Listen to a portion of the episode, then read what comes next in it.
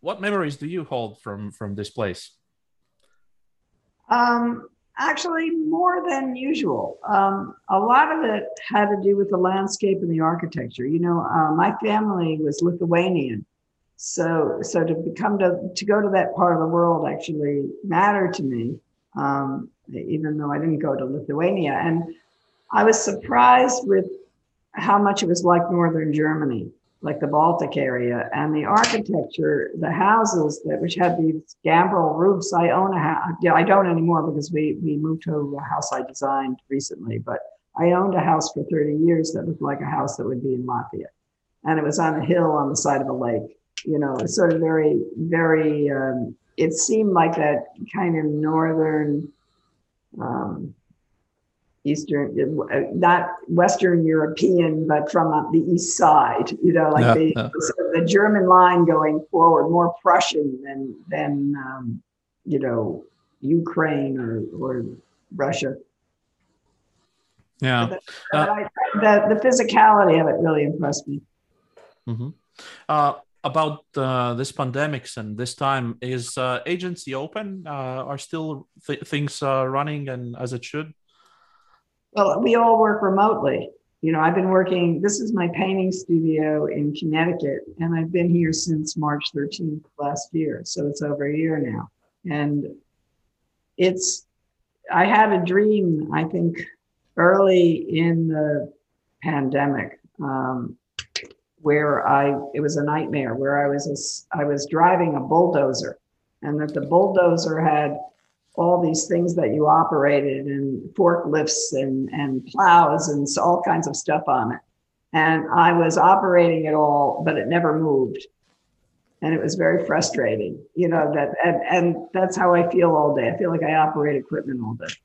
And I, I oh. you know, I work with my team, but I never see, and I see my team like I see you. I see a head in a t-shirt, you know, like they could not have legs for all I know. It's just like you're, there's no, there's no whole person there and that you know the the operations are very mechanical because well can you move it to the left? Oh and you're not experiencing it really at the same time. You're never you're never seeing it with the same eyes at once like you do in person.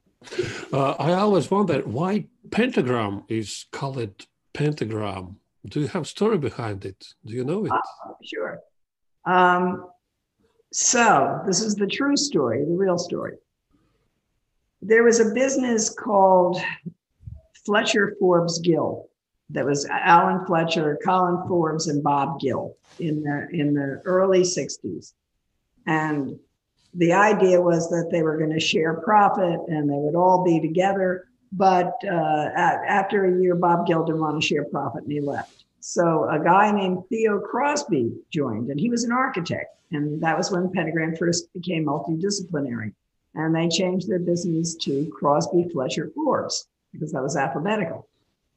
And then a guy named Kenneth Grange joined. No, I have the order wrong. Then, then there was a guy named Mervyn Kurlansky, and he he was made a partner. He was an associate. He was Alan Fletcher's associate. He was made a partner, but he had a big long Jewish name, and no one wanted to put it on the firm. So he didn't get his name on the firm.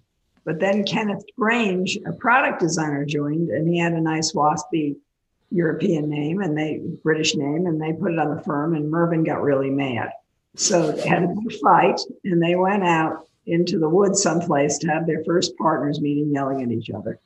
And um, Alan was reading a book on black magic, and he said, "Oh, well, you know, a pentagram that's five points. Let's be pentagram." Everybody said okay. And this was in 1972, and the, the firm was named and emerged as Pentagram. And then in 1973, John McConnell joined, but they decided they'd never change the name again because they didn't want to go through it. So it stayed that way for the, the next 50 years. Yeah. So no dark rituals. Yeah. Yeah. I I, and, uh, I guess that uh, it's because of this firm is so legendary. So uh, that's why it does not cause any problems. I guess the nowadays, if you would call in these social media times, uh, call a company or, or, or something like that, there would be like I, I don't know different different vibes in society, I guess. What's funny is not only we've not changed the name, we haven't changed the logo. It's still in the modern number 20. We haven't changed the color red. We haven't changed the way the rally a little bit, a little bit with this way the stationery is laid out because you have to do emails and texts and all kinds, whatever, mm-hmm. whatever the update is on that. But the reality is, when I first joined the company, like everybody else, I thought, oh, why do they have this identity? I can do something better than this. And then later, I think, why would we ever change the identity? Then it's never going to be any better than this because it doesn't, it's so ingrained in the partnership now that you would never, you just would never change it. Mm-hmm. Uh, uh, you yourself, you started uh, the, the, career very early with uh, with music album covers, and uh, and um, for, for I, I, think that in nowadays for graph for a graphic designer that would be um, called like a high, point the high career. point, yes, high point of the career. Uh, and I have nowhere to go but down. Yeah, yeah, yeah, something like that. Yeah. Uh, well, today it's, it's, it's kind of strange because uh, I guess we, we don't really hold uh, music records in our hands. We don't see it. It's on everything. Everything's on Spotify and, and streaming services. Uh, uh, well, can you recall those those those years and maybe uh, uh, elaborate on what, what was the magic about it? Well, I can tell you what infuriates every marketer about them is that there was no professional marketing. You know, you, we didn't test anything. There wasn't any um, messaging. You didn't have a strategist on it. You focus groups no focus groups, no nothing. Just do what you want. Yeah. They were global. They were global. They were all over the world. I can go to any record store in the in anywhere in the world if they sold sell old records and find something I made. My staff okay. it. They travel around. They say, "Oh, I just bought this from 1974." The thing is that that they were they were innocent. The the industry itself was corrupt but and you know it was a corporation cbs cbs records was part of cbs inc. And it was a big corporation filled with sexism and every other kind of ism. And i could make what i could sell. I could make what i could persuade anybody to do. If i decided that um, wrong with my dog hold on for a second. What's going on there? What? She's crying. Oh. She looked like she was in pain. I think she must be fed. She's just being a baby.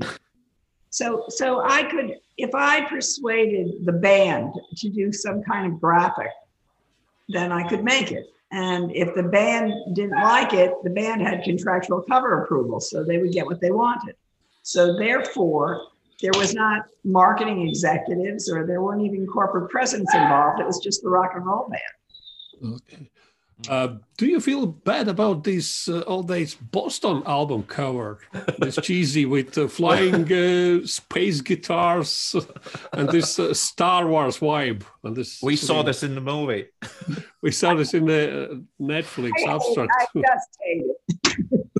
and I never understood it even when I did it. That's what's so funny. I was, you know, I made so many album covers. I used to, yep. you know, I was, I was, I had a corporate job inside a corporation. I was East Coast opera, art director. I was 26 years old. And I oversaw, you know, 150 albums. And of the 150 albums, I probably designed about 80 myself. And then there were an mm. art department, and some of the some of the covers came in from Nashville. Some of the covers came in from London, and we were doing things like putting the right kind of legal lines on them. And then the rest of them were things we designed, and they were really wonderful things. There were there was a big uh, apportionment of jazz and classical work, which was very creative, and I could do pretty much anything I wanted. And I learned politics. I learned that if I took a great big important band that the company had a lot of faith in, like Boston, and gave them exactly what they wanted, and they were happy, then they'd leave me alone and let me do my crazy typography on jazz covers you know, and so the, that was my deals with the with the organization. I actually have don't operate any differently now. You know, I'll I'll, I'll take a job with a client that's going to pay me a large amount of money and and work very hard to keep them satisfied, and then do the public theater. You know, so it's not like my the way I've operated has changed in fifty years. Mm. Do, do you argue do you argue with clients a lot because I, I as I as I know in graphic design agencies here especially uh, what I hear is that uh, these artists they, they argue a lot with their with their clients. I don't know how it's how it's with. Well, I would I would say I argue. Argue if you if I'm arguing, I'm going to lose. Uh, I I teach. No, okay.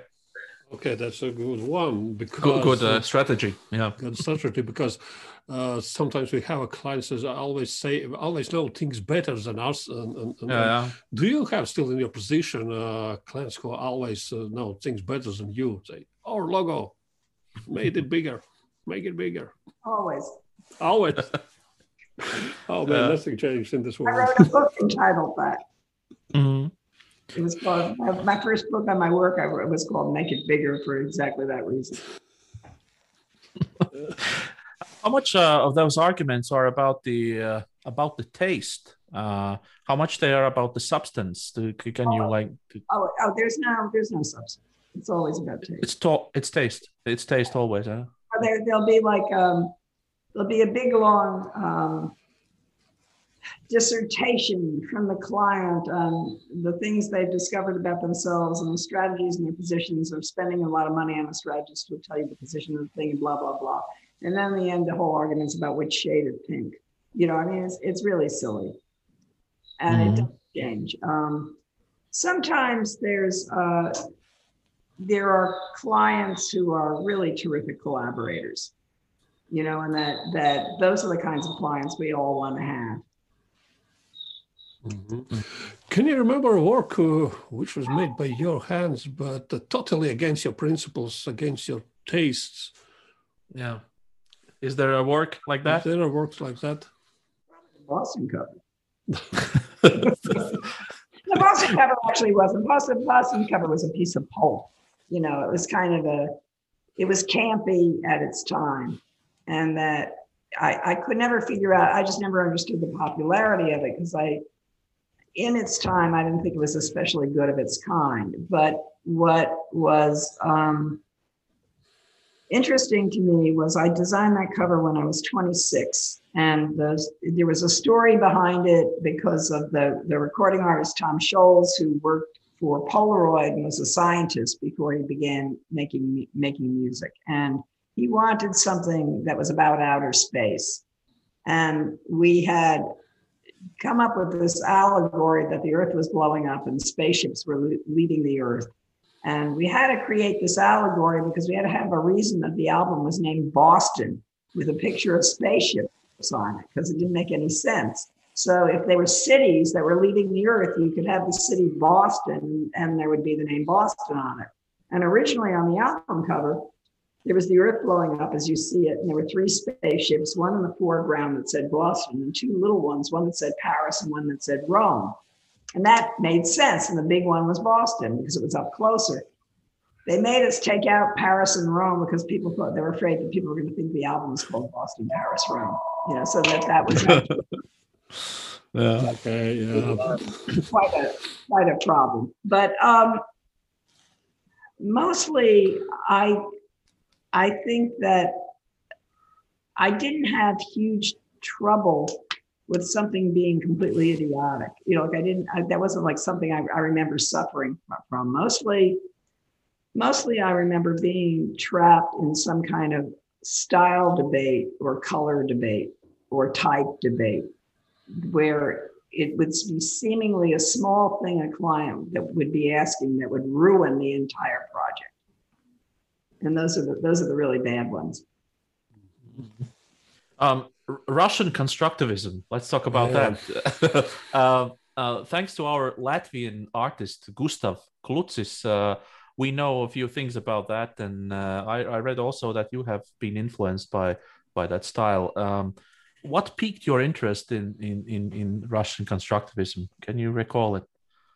I I, I actually wrote an essay about it, and um, I think it would still hold true, but not necessarily with Russian constructivism. If you pick up an art history book on the history of design, and that has a lot of different styles and periods in it, and you go through the book and you find something that you think is really powerful or great, you can't help but emulate it. Um, and that when everybody else begins to do that, then it becomes popular and then you have to abandon it. But I remember the moment I discovered who El Lissitzky was and who Rodchenko was. And I was in a, I think it was in the 70s, and I was looking for a different way to do things. And at that particular point in time, it was the end of psychedelia and the, you know, sort of the pop movement, and things were people used a lot of Art Nouveau type, some Art Deco, if they were using different periods. And I came across Russian constructivism. And I said, why are these guys working like that when you can work like this? You know, like that was just the way it looked to me at that moment in time. And I, I've, I still have the affinity for it. Um, but certainly not everything is like that in what I design now. Yeah, but you made uh, look this Russian constructivism very, uh, as you say, New Yorkish. Yeah, very. It was, it was, it became New Yorkish. I mean, I think Yeah. that that Um, the, the work for the public theater, theater had its roots, roots in Russian constructivism initially, but not now. I mean, now it's just New York design. Mhm. Well, can you explain why you fell in love with public theater? Ah, that's a great client. Mhm. That's just sometimes you have just a great client. I mean, to me, there are things that make wonderful projects, and the things that make wonderful projects are things that are meant to be creatively viewed in the first place. You know, it doesn't mean it can't be a bank. Somebody could make decide to make a very creative bank that's surprising, but that's very unlikely because nobody in banks want to take risks, so they wouldn't do that. Uh, the best places for that are always in the arts. They're always in, in places that are reflecting something that is artistic. So that those those at the very beginning are good jobs. So that a job for a theater is generally good. Or Um, startups these days, startups as well. Startups sometimes it depends on the owner. Yeah, depends, of And course. depends. I'm talking about in general. You know, like that's much more dependent. If you if you think about the arts, you'll find good work in theaters. You'll see good work at art museums. You'll see good work at uh, places that are promoting other works, and that that's that's why that's that's a good job. The second reason it's a good job is it had what I call scale, which means that everybody's going to see it. I mean, if you do, if you do work for a not-for-profit and it's a theater and it's a little theater and nobody sees it, you don't have any effect with it. If it's something that everybody sees, and the public theater was great because the New York Shakespeare Fes- Festival, which was Shakespeare in Central Park, all of New York sees, all of New York sees it. And the third reason it was great was I had great clients. The, the people inside it were great. They were open-minded. They, um, my relationship with them is spectacular. Um, I, I love them. We're family. It's it's um, it's a wonderful experience. And there was a period it wasn't, and it was very brief. And I I I, I I'm in my second director. You know, the, a, a different director hired me than as the director now, and I have even a better relationship, I would say. But there was this period when the first director left, and the board was sort of in charge, and there were different people vying for power. And I knew that I would not sustain it if another director didn't come in, and the other director happened to just re-embrace me. And so, we, and that's when I began, I think, to become in many ways more innovative. Wh- Where do you get your inspiration and your energy to do all this uh, lot of things? I like to make stuff. That's what I do. I don't. I'm not good at sports. I don't run.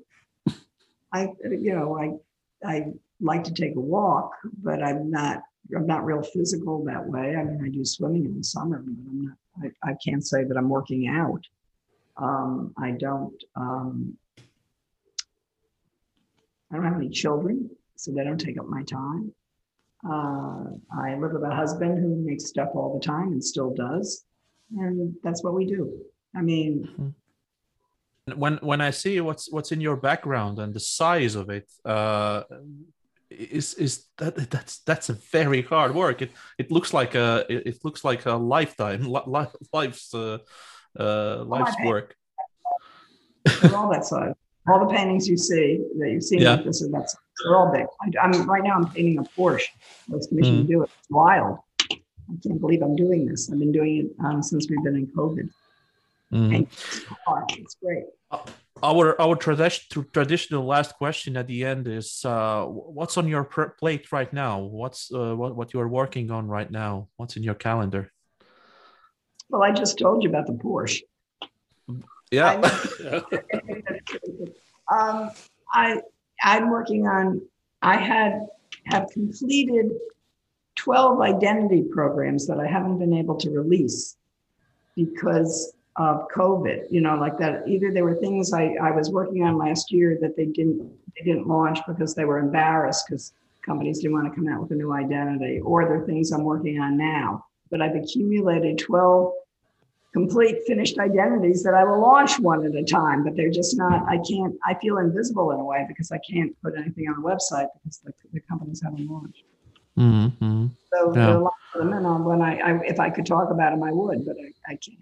So We, we came back we came back to this these COVID COVID times and uh, let's hope this will end very soon and, and we will get back to times that were like before 2020. Um, should so, but I've got both vaccines and I'm feeling fearless. that's great. That's great to hear. All right. Uh, thank you very much, Paula, for Well, uh, for, for thank joining you us. for your time. Uh, have a nice uh, have a nice e- uh, evening. Yeah. Bye. Goodbye. you. Thank you very much.